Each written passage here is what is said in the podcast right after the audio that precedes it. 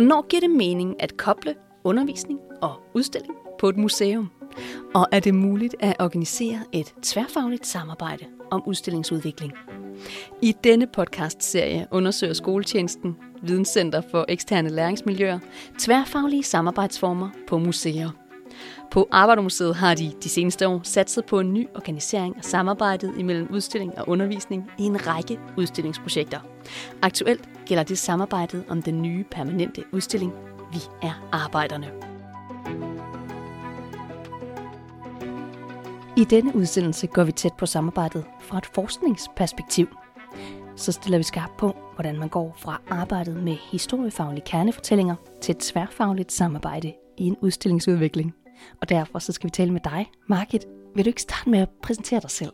Jo, jeg hedder Margit Vilstrup. Jeg er museumsinspektør her på Arbejdermuseet.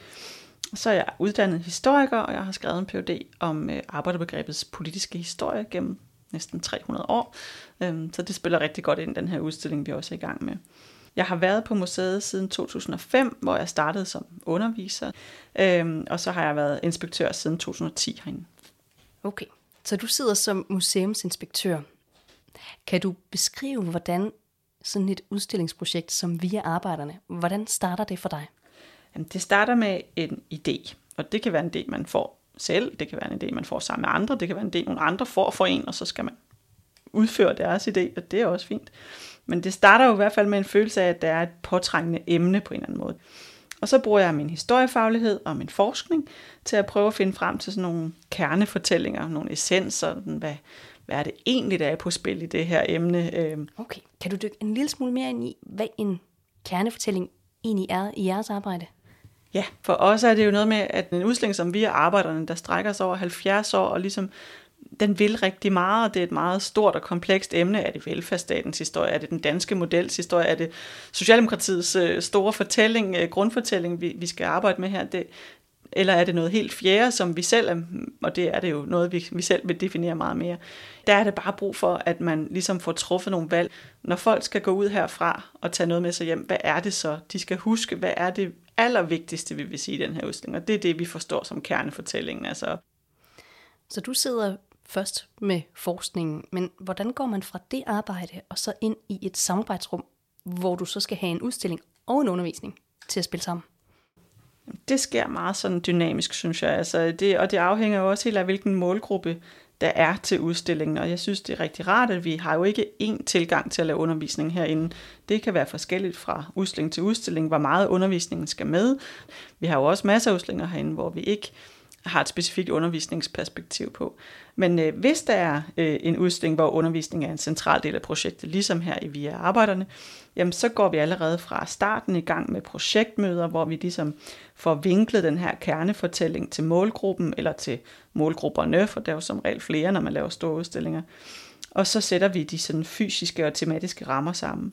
Og det kan jo være afgørende for en udstillings fysik, at der ligesom skal være plads til en hel skoleklasse i sådan en udstilling. De fylder noget af de unger der, øh, og det kan også være afgørende for de virkemidler, vi skal bruge, at det skal være noget, der fanger børn og unge.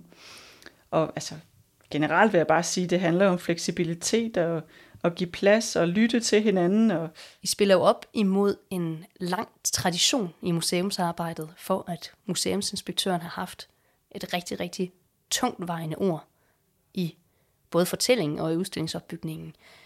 Det virker til, at du skal give meget mere plads, når jeres udstillingsarbejde er på den her måde. Hvordan gør man det?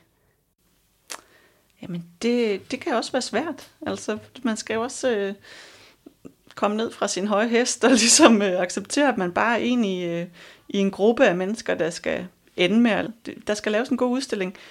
Jeg synes, vi har en god gensidig respekt herinde, når vi arbejder med tingene, så jeg føler ikke indtil videre i projektet, at jeg har skulle gå på kompromis med det. Altså, hvem, ved- det nu har vi heller ikke skulle træffe så mange af de helt svære valg endnu, øh, så vi må se, hvordan det udvikler sig, men, men nej, jeg har en kæmpe tillid til mine kolleger, at vi, at vi lytter til hinanden og, og, og ligesom øh, får fundet nogle, nogle gode steder at mødes omkring de ting, vi så måtte være uenige om.